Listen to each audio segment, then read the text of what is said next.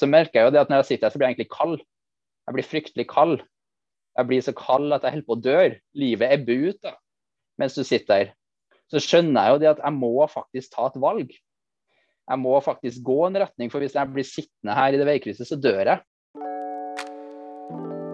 Dette er Senderpodden, podkasten som gir deg inspirasjon til å leve med Jesus i hverdagen. Mitt navn er Karina Jacobsen.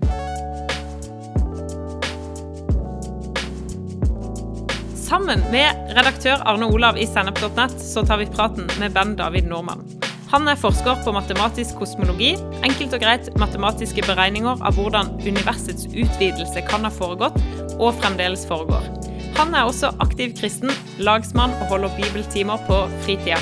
Og i dag så snakker han om sin oppvekst, doktorgrad, tro, tvil og vitenskap. Få med deg det vi snakker om.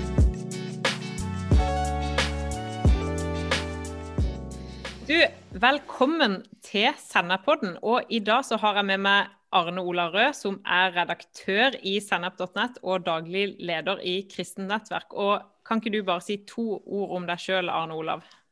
Ja, du har sagt flere enn to år allerede. Men ja, ja eh, eh, trønder eh, driver med eh, barnefotballtrener på fritida og søndagsskolelærer. Og syns det er kjempekjekt å bore i de temaene som vi skal snakke om i dag. Så jeg gleder meg personlig til denne episoden. Ja, det er veldig bra. Eh, ja.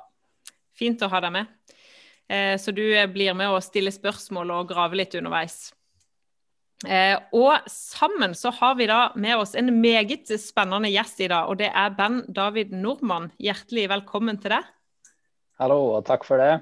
Veldig yes. kjekt å være her. Og for de som ikke kjenner deg fra før, Ben David. Du er altså trønder, du òg? Ja. ja. Eh, og du er eh, aktiv kristen og engasjert i bl.a. laget. Eh, og du forsker på universet og har tatt en doktorgrad i kosmologi. Så hva, hva pleier du å si til, si til, folk når de spør hva du jobber med? Eh, da pleier jeg som regel å si at jeg undervise. Ja, så slipper jeg unna resten. Det er den lettvinte lettvin forklaringa, altså? Ja, ja. ja. Altså hvis folk eh, enten egentlig vet litt mer hva jeg hjelper med, eller de er mer nysgjerrige, så spør de. Så prøver jeg å forklare at jeg bruker matematikk i stor grad for å forstå eh, verden på litt stor skala, da. eller universet på stor skala. Ja. Så du bruker et språk folk kan forstå, rett og slett? Jeg prøver på det, i hvert fall. Ja, ja men Det høres bra ut. Vi skal jo få gå litt mer inn i dybden på ting i dag, men kanskje også på en måte som gjør at folk forstår litt mer av hva du eh, jobber med. Ja. Eh, men du vant altså Forsker Grand Prix 2018 for da beste forskningsformidling. Og Stemmer. er dette en sånn utmerkelse som vekker opps eh, oppsikt og gir respekt i forskningsmiljøer, eller er det bare litt sånn noe som ikke nødvendigvis blir lagt merke til? Jeg var litt spent på det selv. sånn i forhold til, altså Var det på en måte positivt eller negativt å bli med på sånt? Eh, det er jo på en måte litt sånn useriøst da, i forhold til det å publisere noe i en vitenskapelig journal. Ja. Eh, så det var jeg faktisk litt sånn eh, betenkt over. Men i etterkant så altså tenkte jeg uansett at det var noe jeg syntes var veldig gøy, så jeg hadde lyst til å prøve. Så i etterkant så er det jo i hvert fall helt klart en oppfatning at det har vært veldig positivt på Universitetet i Stavanger, hvor det har holdt til. Eh, mm. Så gitt veldig mye positiv oppmerksomhet eh, dit og mot instituttet. Så jeg har vært veldig takknemlig, i hvert fall innad der, da. Samtidig som at eh, vi alle sammen nå syns at det er viktig å, å, poengtere nettopp det du gjorde, at det er en formidlingskonkurranse da, og ikke, ikke en forskningskonkurranse. ja. ja, jeg fikk se en sånn video sjøl hvor du står der med engasjement og innlevelse og blåser opp ballonger. Og, så får folk gå inn og sjekke ut hvis de er mer interessert. Ja, altså Den videoen er verdt å se for alle de som hører på Sølvpodden, spør du meg. Altså, ja, absolutt. eh, når jeg fant den på YouTube, det er jo en fireminutters video der. og det er jo, Du får jo nesten litt lyst til å starte å forske på universet sjøl etter den videoen, for det var jo bare utrolig fascinerende. Så det ja, kudos til den, altså, for det var veldig, veldig gøy. Så jeg skjønner at du vant. Så bra. Ja, men da har jeg jo oppnådd det jeg skulle, formidla at det er gøy å forske på universet. ja, ja. ja, det er veldig bra. Du, eh, Senderpodden, vi har jo mange kristne lyttere som studerer, eller kanskje er ferdig med å studere. Eh, og vi skal jo innom litt dette her med tro og tvil og bibel og vitenskap, som nok interesserer veldig mange. Men først så må vi bli litt kjent med det. Så vokste du opp i et kristent hjem, eller åssen var det? Ja, jeg gjorde det. Eh, det var et veldig, hva skal jeg si, et eh, hjem som var um, uvanlig, vil jeg si sentrert rundt uh, Gud. Så det aller meste Det var nok bygd nok mye på en, en overbevisning som pappa fikk, og som, som, mamma også delte, i forhold til tro og det å bygge livet sitt på Gud, som jeg vil si var ja, en, en uvanlig, radikal, gudsentrert oppvekst.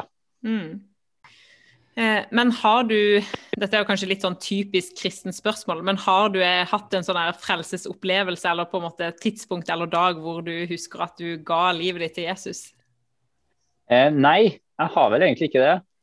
Så det er jo kanskje litt igjen det at eh, altså jeg, jeg, har vært Altså når jeg var jeg har, et, eh, jeg har i hvert fall ett konkret minne av når jeg var fem år gammel, så gikk jeg rundt og snakka med naboene eh, og lurte på hvorfor de ikke trodde på Gud. Det kunne jeg liksom ikke forstå. For, for meg så ga jo det ingen mening, for at foreldrene mine hadde fortalt meg at det var godt og osv. Så, videre, ja. Eh, så helt, helt, fra jeg var veldig liten, så har jeg på en måte alltid trodd veldig sterkt på Gud og ment at det var noe godt som andre burde få del i. da. Eh, mm. Så for meg så var nok heller hele oppveksten prega av det. Så, jeg kan, så langt jeg kan se tilbake, så var jeg alltid en, en bevisst personlig kristen. Men jeg døpte meg jo som, eh, som 17-åring, tror jeg. Ja. Så da tok jeg jo et bevisst sånn sett Det var jo en veldig bevisst handling. Men uh, jeg kan nok ikke si at det uh, Ja, min, mitt personlige forhold til Gud tror jeg var skulle si, det samme både før og etter dåpen. Ja. ja. Mm. mm. Var, det, var, det, mest i sånn bedehusmiljø eller pinsebevegelse? eller liksom Hvilket miljø var du nærmest, liksom? ja, da, da, tror jeg vi må ha en egen podkast på det. Nei da. Oh, ja. Eh, det var en husmenighet, da, faktisk. Så den hadde vel, tror jeg, så vidt jeg har forstått, tilbake før jeg var født, men sitt utspring kanskje i en bibelgruppe fra, som starta i Betania, eller noe sånt. NLM, altså. Ja, uh, og så gikk mer og mer, må man i hvert fall kunne oppsummere, i baptistretning, da, sånn i forhold til dåpssyn og, og, sånn. Og var veldig sentrert rundt det her som hadde med Guds rike å gjøre. Uh, og det er noe jeg har tatt ja. med meg. da, uh, på en måte At uh, ja, Guds rike er noe vi kan leve i som kristne her og nå. da. Mm. Mm. Så bra. Du, vi må litt, Det er fint å bli litt sånn kjent med deg på de områdene der. Og nå skal vi inn og bli litt kjent med deg på studier og doktorgrad og denne pakka her. Og når starta interessen for vitenskap og det store universet for deg? Um, altså vitenskap, det er nok noe Jeg husker jeg, jeg var fryktelig glad i når pappa å fortelle Han er utdannet ingeniør, da. Ja. Så han uh, lærte meg noen sånne enkle formler. Kanskje vi fiksa biler eller noe. Så lærte meg at U er lik R ganger I, eller et eller annet sånn eh, strøm og spenning og sånt. da. Og det syns jeg var så fascinerende. At de kan liksom bruke en matematisk formel til å beskrive et eller annet. Det, det var liksom... Så gikk jo jeg og fortalte alle vennene mine om det. Og det husker jeg, det satte ikke jeg bestandig like stor pris på. da. Uh, men jeg, jeg, husker at jeg var veldig interessert liksom, i den der naturvitenskapelige måten å tenke på fra jeg var veldig liten. Men universet, eh, det var nok ganske seint. Eh, jeg hadde nok alltid en fascinasjon for det, men eh, jeg tenker kanskje at det ikke var før jeg begynte på masteren min. Jeg hadde egentlig lyst til å skrive master i, om hjernen nevrovitenskap. Mm. Men så fikk jeg aldri kontakt med han professoren, så da ble det kosmologi som en liksom sånn nest beste, da. så, ja, ja. Så jeg tror nesten det var masternivå, at jeg, ja, 24 mm. år eller noe sånt. at jeg at jeg ble frelst på det, skal jeg si. ja. ja, og det er jo ikke alltid en vet når en eh, vekkes en interesse for noe, før en står der midt oppi det. Nei, det er sant. Men du har altså da en doktorgrad i matematisk kosmologi.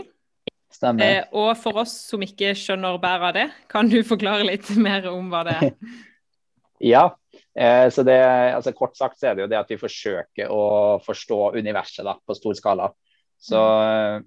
Der, eh, da er det jo rett og slett eh, det at vi har, vi har eh, funnet ut det at matematikk funker veldig godt. Ikke bare for, som ingeniører ting liksom, skal konstruere et bord eller en bil, eller sånn, men det funker også egentlig veldig godt på å beskrive universet på stor skala.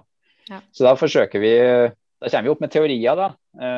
og så prøver vi å se ja, hvordan kan vi best mulig beskrive universet matematisk, og hva sier det om hvordan universet var i fortida, og hvordan det antageligvis kommer til å være i framtida. Så det er liksom det å prøve å forstå historien kan du si, til universet. da. Ja. Det der må jo være en utregning med mange ukjente faktorer, eller som ikke er beskrevet. Hvordan, altså, hvordan gjør den greiene der, liksom? Ja, det er veldig sant. Eh, det er jo Så de her eh, ligningssystemene som vi snakker om, da, altså de her store når vi skal prøve å beskrive universet matematisk, så er det jo haugevis av ukjente faktorer. Og så må en rett og slett gjette litt da, på løsninga. Så du har liksom eh, du har, Det er som å ha en boks med et eller annet ukjent inni. Det kan være alt mulig rart. Driver du og rister på den boksen, og så kanskje du veier boksen, kanskje du prøver å putte opp i vann. jeg vet ikke, men det, alle mulige, Vi, vi gjetter da på løsninger, eh, matematiske løsninger av universet. Hm. Og så er det jo, Vi gjetter jo veldig mye feil.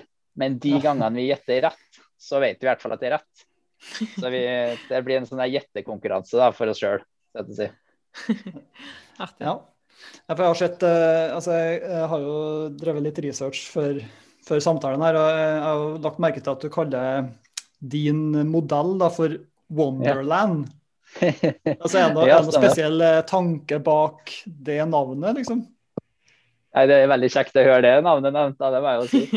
Uh, ja altså, jeg, jeg, kalte jo faktisk hele doktorgradsavhandlinga mi for 'Tales from Wonderland'. Uh, så ja, historier fra drømmeland eller historier fra fantasiland, eller hva det blir. Mm. Uh, og det er jo et litt sånn der Et lite stikk, da, kanskje, sånn i forhold til at OK, greit, nå har jeg gjort en gjetning på For det er noe som heter for mørk materie. Mm. og det er rett og slett et navn på et stort problem i kosmologien. Det er masse, det er haugevis av materie der ute som vi ikke vet hvor, eller hva er for noe. Ja. Og så har jeg gjetta på det, og så har jeg løst eh, ligningene for universet. Eh, det var noe som Einstein skrev ned, noen sånne ligninger for universet. Og vi har veldig stor tro på at de ligningene er rett. Og så har jeg løst de ligningene med min gjetning for hva mørk eh, materie er for noe. Og så har jeg fått ut et svar, og det svaret kaller jeg Wonderland. Og så blir jo på en måte spørsmålet er det her bare matematikk, eller er det faktisk sånn universet er? Og det er egentlig et spørsmål vi er nødt til å stille i alle de her modellene vi lager. Er det egentlig sånn, eller er det bare en slags fantasi? Er det bare Wonderland? Er det bare, ja. Så det er litt sånn stikk da for å si at eh, ja, om det her er virkelighet, det vet jeg nå ikke helt utrolig fascinerende, må jeg si. Altså, det, jo, det, høres jo ganske, ganske fjernt ut fra i hvert fall det, det, den bagasjen jeg sjøl har i livet. Men det er utrolig stilig at det finnes folk som, eh, som våger å, å, å, undersøke spørsmålet. Det må jeg si. Ja, du vet, Vi sitter jo her og bare blir bombardert med masse ting vi hører, men det å faktisk få lov å gå inn i ting sjøl, det må være veldig spennende. Ja, det er veldig gøy. Samtidig så skal han jo ikke legge skjul på at eh, det er mange mørke dager på kontoret hvor du graver deg ned i utregninger og ikke syns at verden er så gøy, da. Men, eh, ja. Men eh, det å studere disse tingene, altså kosmologi og big bang og alt dette her, altså hva Har det gjort noe med troa di? Um, ja, i hvert fall indirekte. Um, det vil jeg si. Altså, det er kanskje særlig litt det her å å lære seg altså, Kanskje mer enn akkurat det å studere universet, så har i hvert fall det å um, engasjere seg i naturvitenskap vært en sånn uh, en fin måte å lære seg å tenke kritisk på.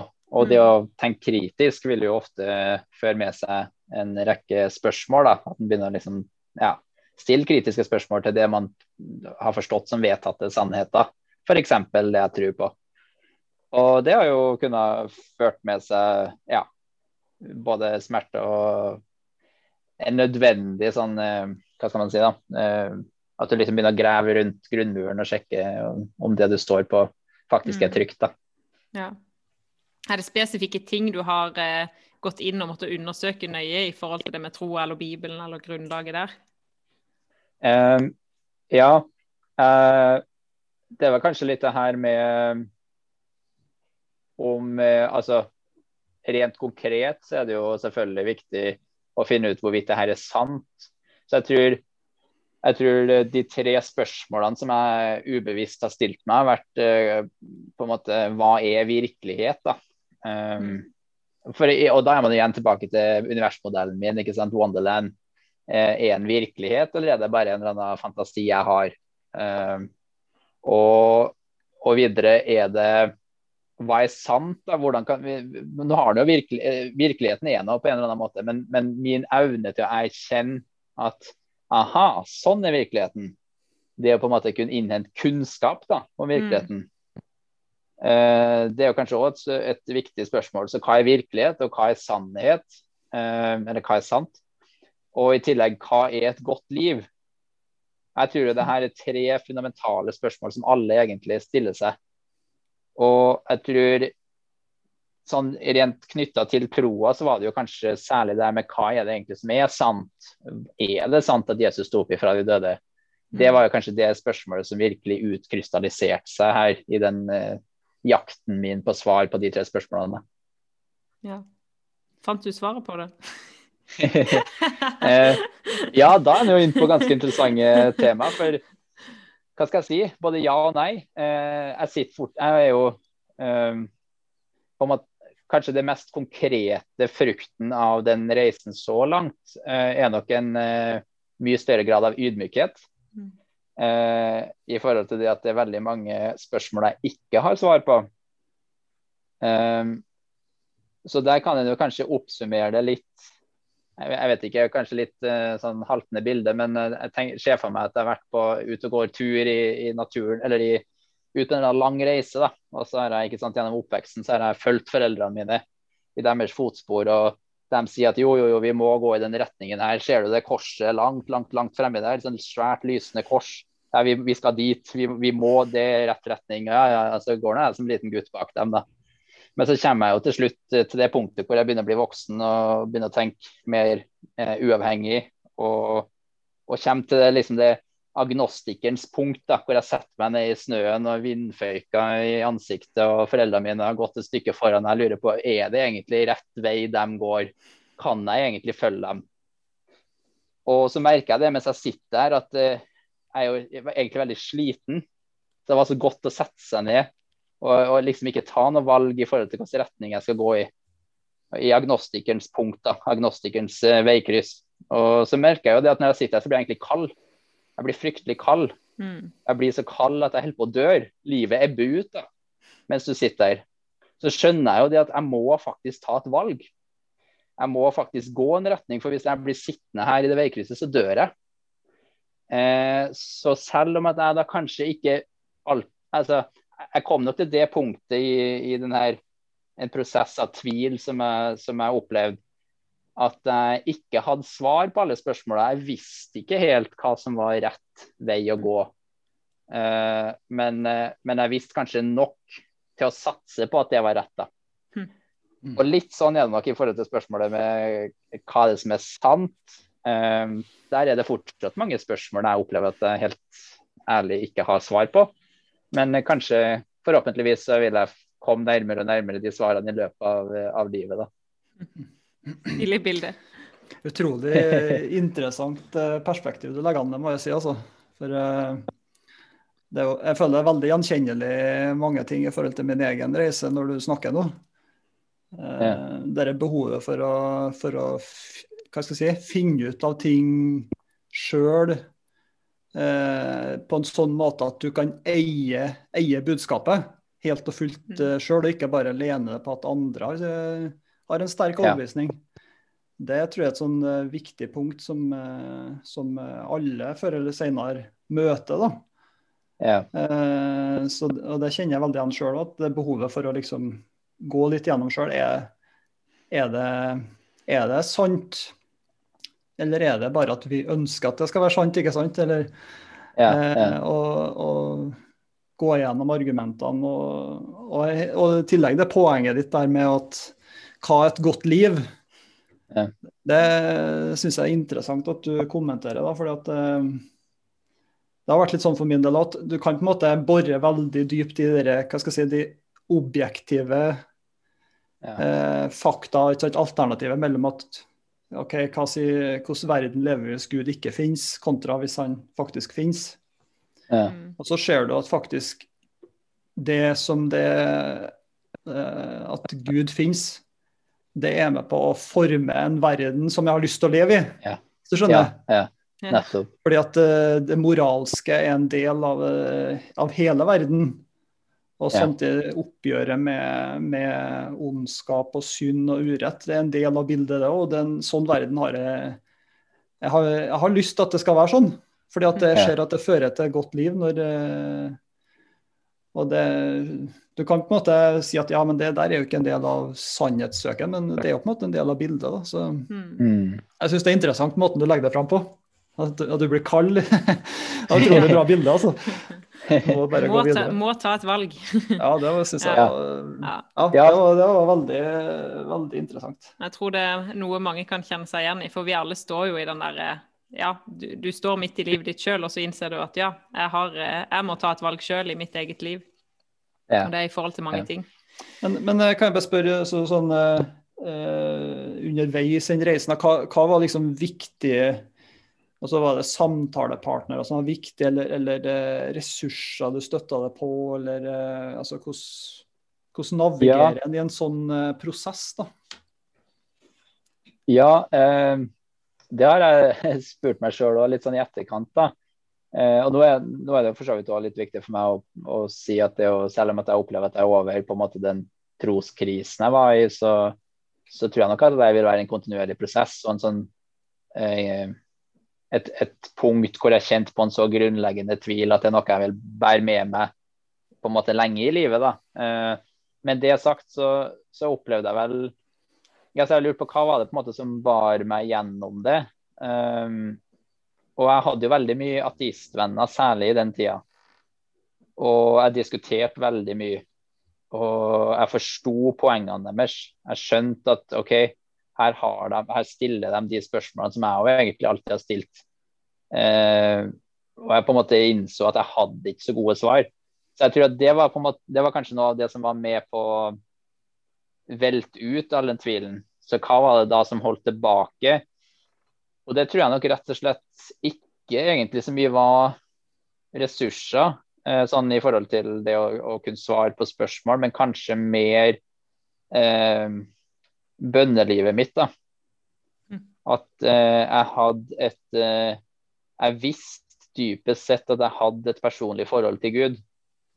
Eh, så jeg var jo faktisk på det punktet. Det er jo litt sånn surrealistisk, eller hva skal si, men det, er sånn, på en måte, det gir jo ikke rasjonelt helt mening, kanskje. Men jeg var nå i hvert fall på det punktet at jeg bøyde meg ned på knær og sa og skulle si Gud farvel. da.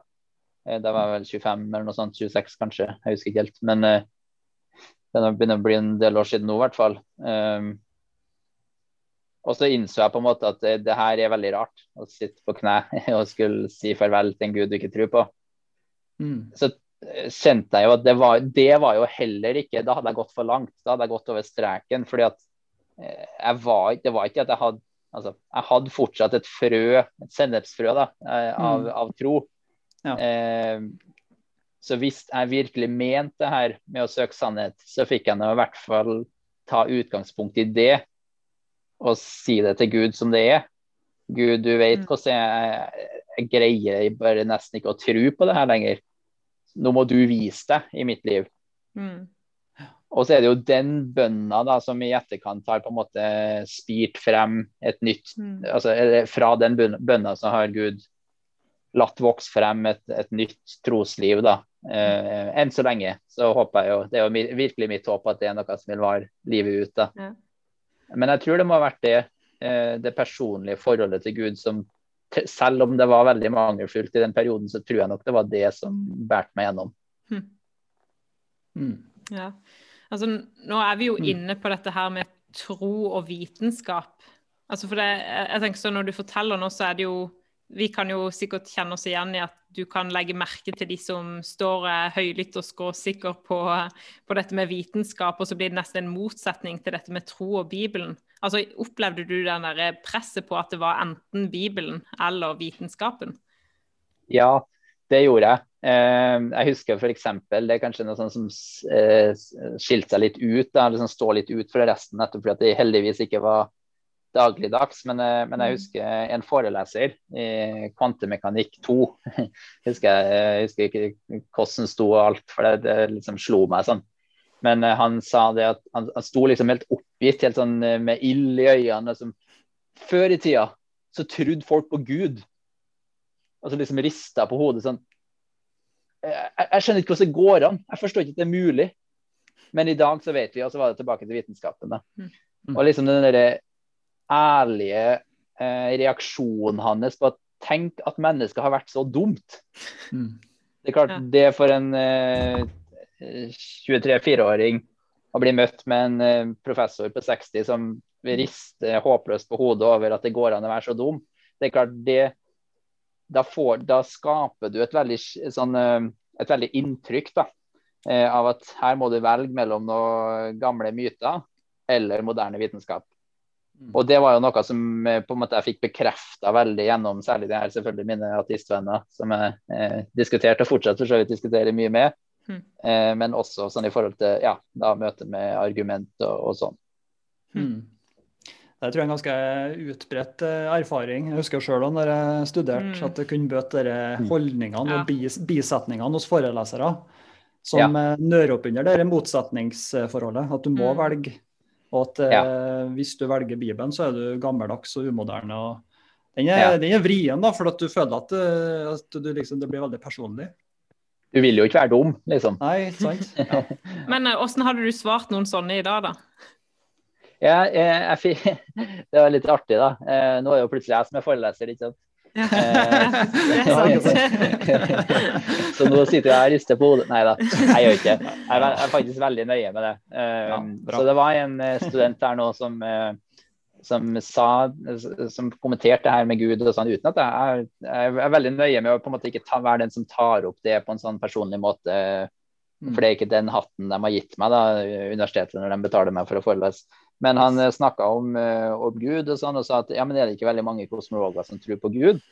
Så kan jeg for bekrefte det, at jo, det er jo for så vidt en, en del som gjør det. Eh, men eh, så var det en annen en, da, som det her var en pause, så, som, som, kommenterte at ja, men da burde de jo ikke være, eh, være vitenskapsfolk. De kan jo ikke med vitenskap hvis de tror på Gud. Så spurte han, og hvorfor ikke? Og på en måte kasta ballen opp til han, og da må han være presis. ikke sant? Da må han presisere. Uh, og så kom vi i gang med en samtale, så viste det seg at han hadde jo egentlig ikke noen konkrete tanker med hvorfor man ikke kunne det. Mm. Uh, og til syvende og sist så jeg, fikk jeg på en måte over, eller ja, tatt med dit hen i samtalen at, uh, at, han innså at det her handla jo om forskjellige typer forklaringer. Altså En ting er jo å forklare hvordan verden fungerer. Det er det vi gjør i vitenskapen. Men, men, Gud det behandler et mye mye dypere og større mm. spørsmål da, med, med, hvorfor. altså det, Alle de her hvorfor-spørsmålene. Så jeg vil jo si at det er en veldig falsk eh, eh, oppdeling, det her med at enten må du velge Gud eller vitenskapen. Det er jo selvfølgelig ja takk, begge deler, da.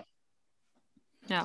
ja det der handler jo mye om eh, si, den filosofiske innramminga Eh, for ja. vitenskapen vil ikke, eh, vil, vil ikke være rett å si det sånn? Ja, nettopp. Jeg er helt enig.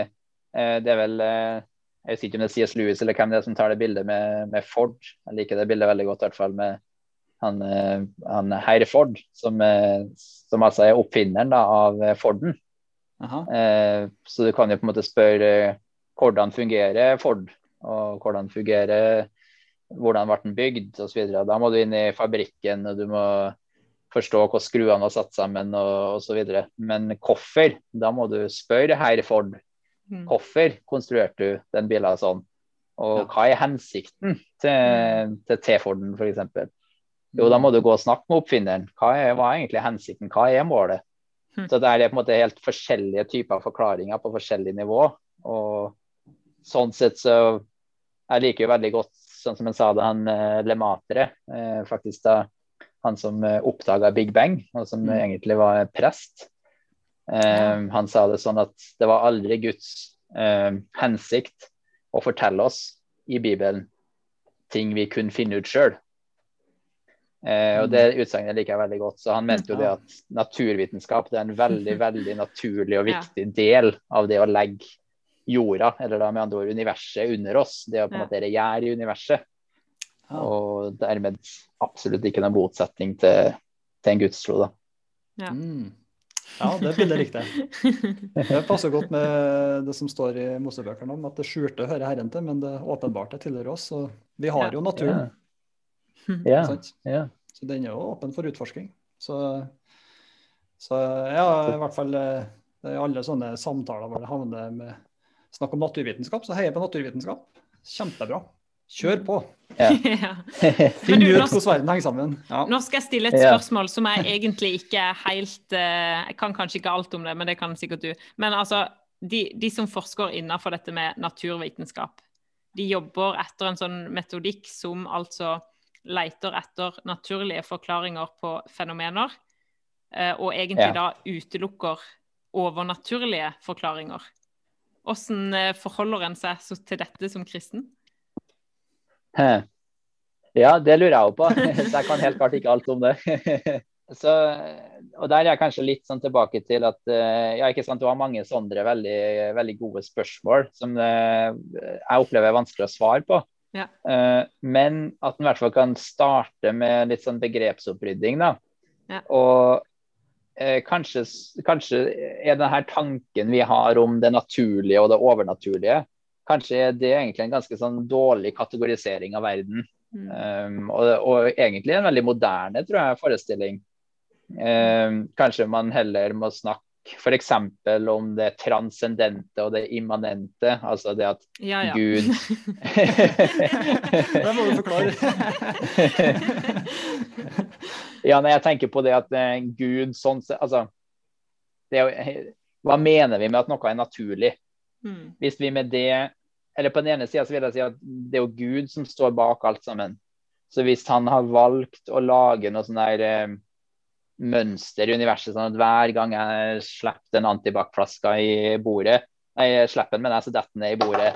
Og slipper den en gang til, så detter den i bordet. Det er en sånn repeterbar sak som jeg kan prøve, og alle kan prøve det til enhver tid, og det funker alltid. Den detter alltid i bordet. Eh, men det er jo fordi Gud har valgt å gjøre det sånn, og så kaller vi det naturlov. Og nettopp mm. fordi vi greier å beskrive det presist matematisk, så sier vi at ok, her er en lov, her er naturlig. Men, men, i hvilken grad er det naturlig? Det er jo bare det at det, det er noe repeterbart. Mm. Men eh, eh, så i så fall så sier vi jo at det er kun det der som Altså det er kun det du kan oppdage innenfor den naturvitenskapelige ramma. da som er kunnskap. Det er kun gjennom den naturvitenskapelige ramma at vi kan ha egentlig sann kunnskap om verden. Og det tror ikke jeg noe på. Eh, F.eks. hvis jeg vil bli kjent med en person, så gjør ikke jeg det gjennom den eh, naturvitenskapelige metode. Det tror jeg i hvert fall er en dårlig idé. Da fikk han noen bilder i hodet som virka helt gode.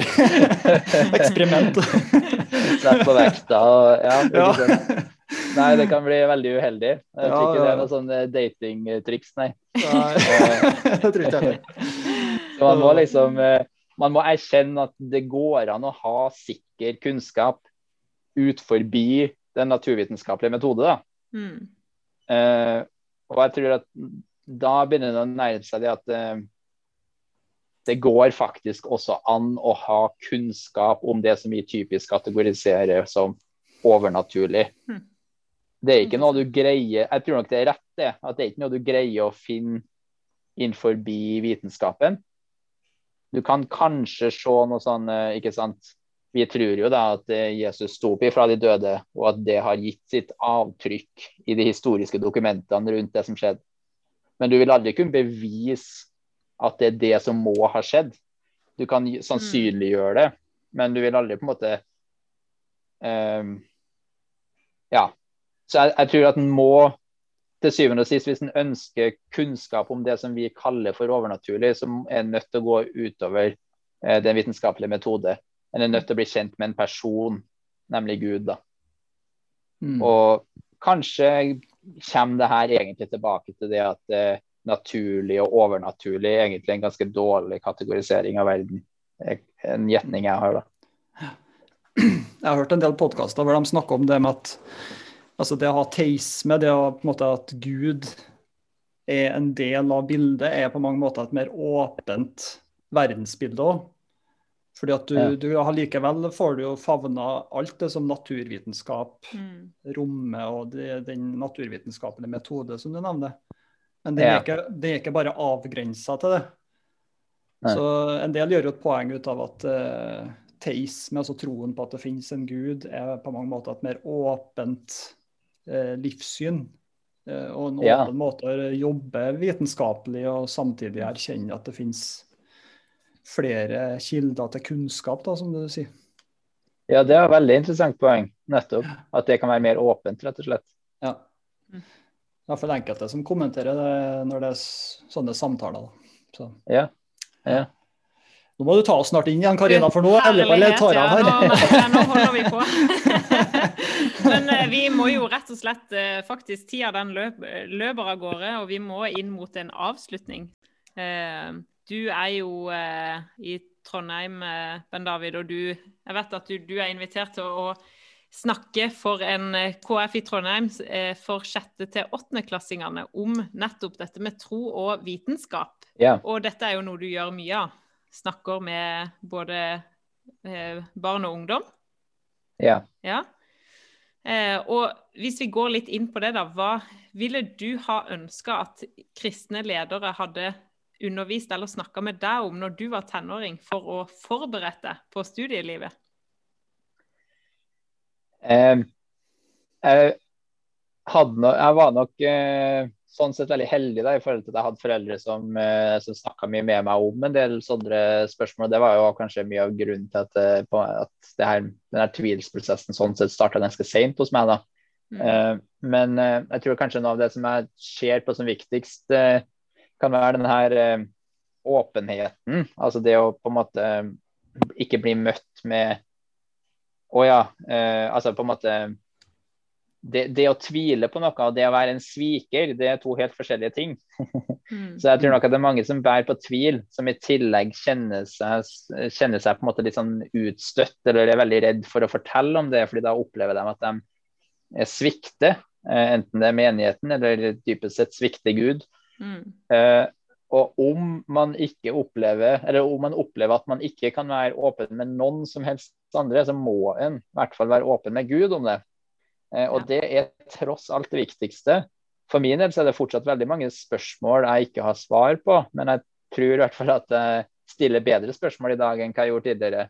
Men i Mm. alle de her spørsmålene så, så forholder jeg altså jeg er helt åpen til Gud. da.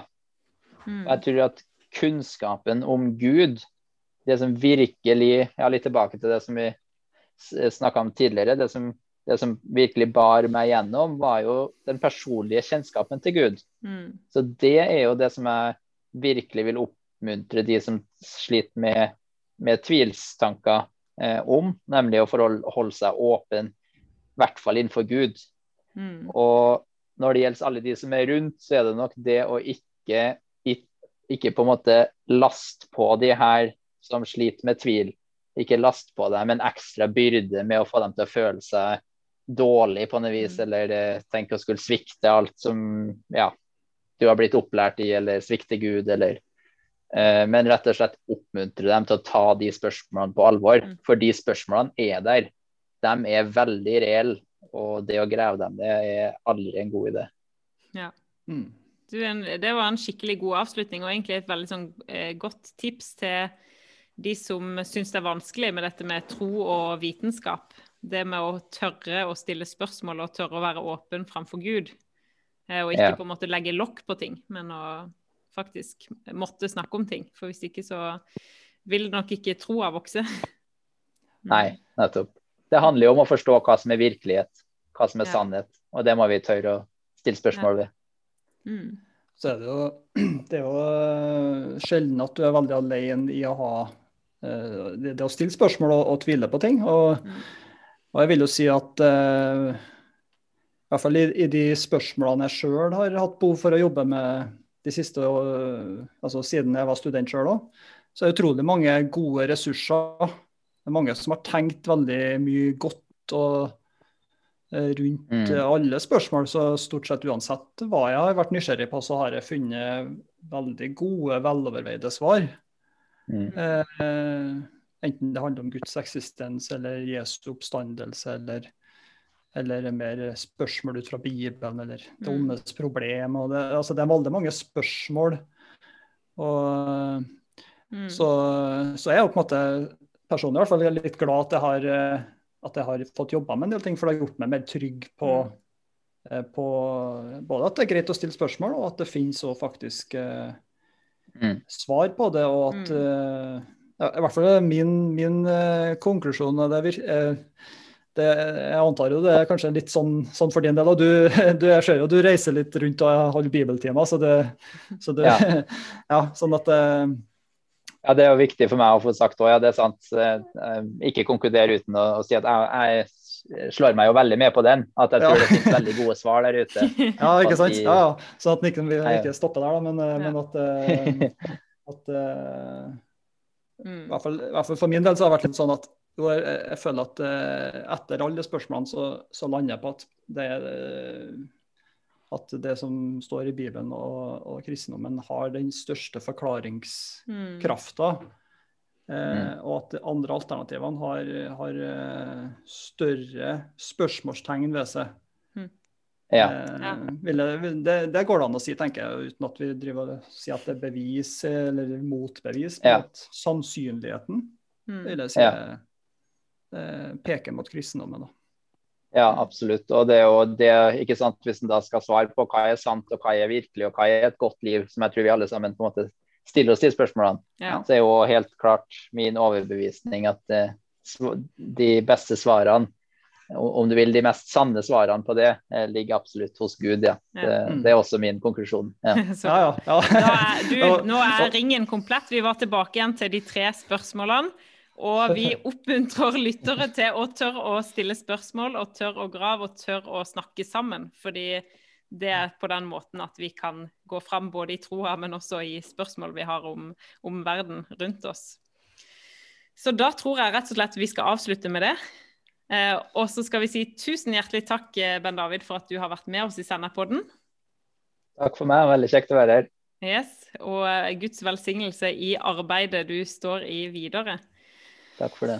Og så sier vi bare til alle som hører på, eh, ta med deg det du har hørt nå, og gå inn og få med deg den fire minutters eh, eh foredraget av Ben David, som er fire gode eh, minutter å se på. Og så sier vi bare 'vi høres'.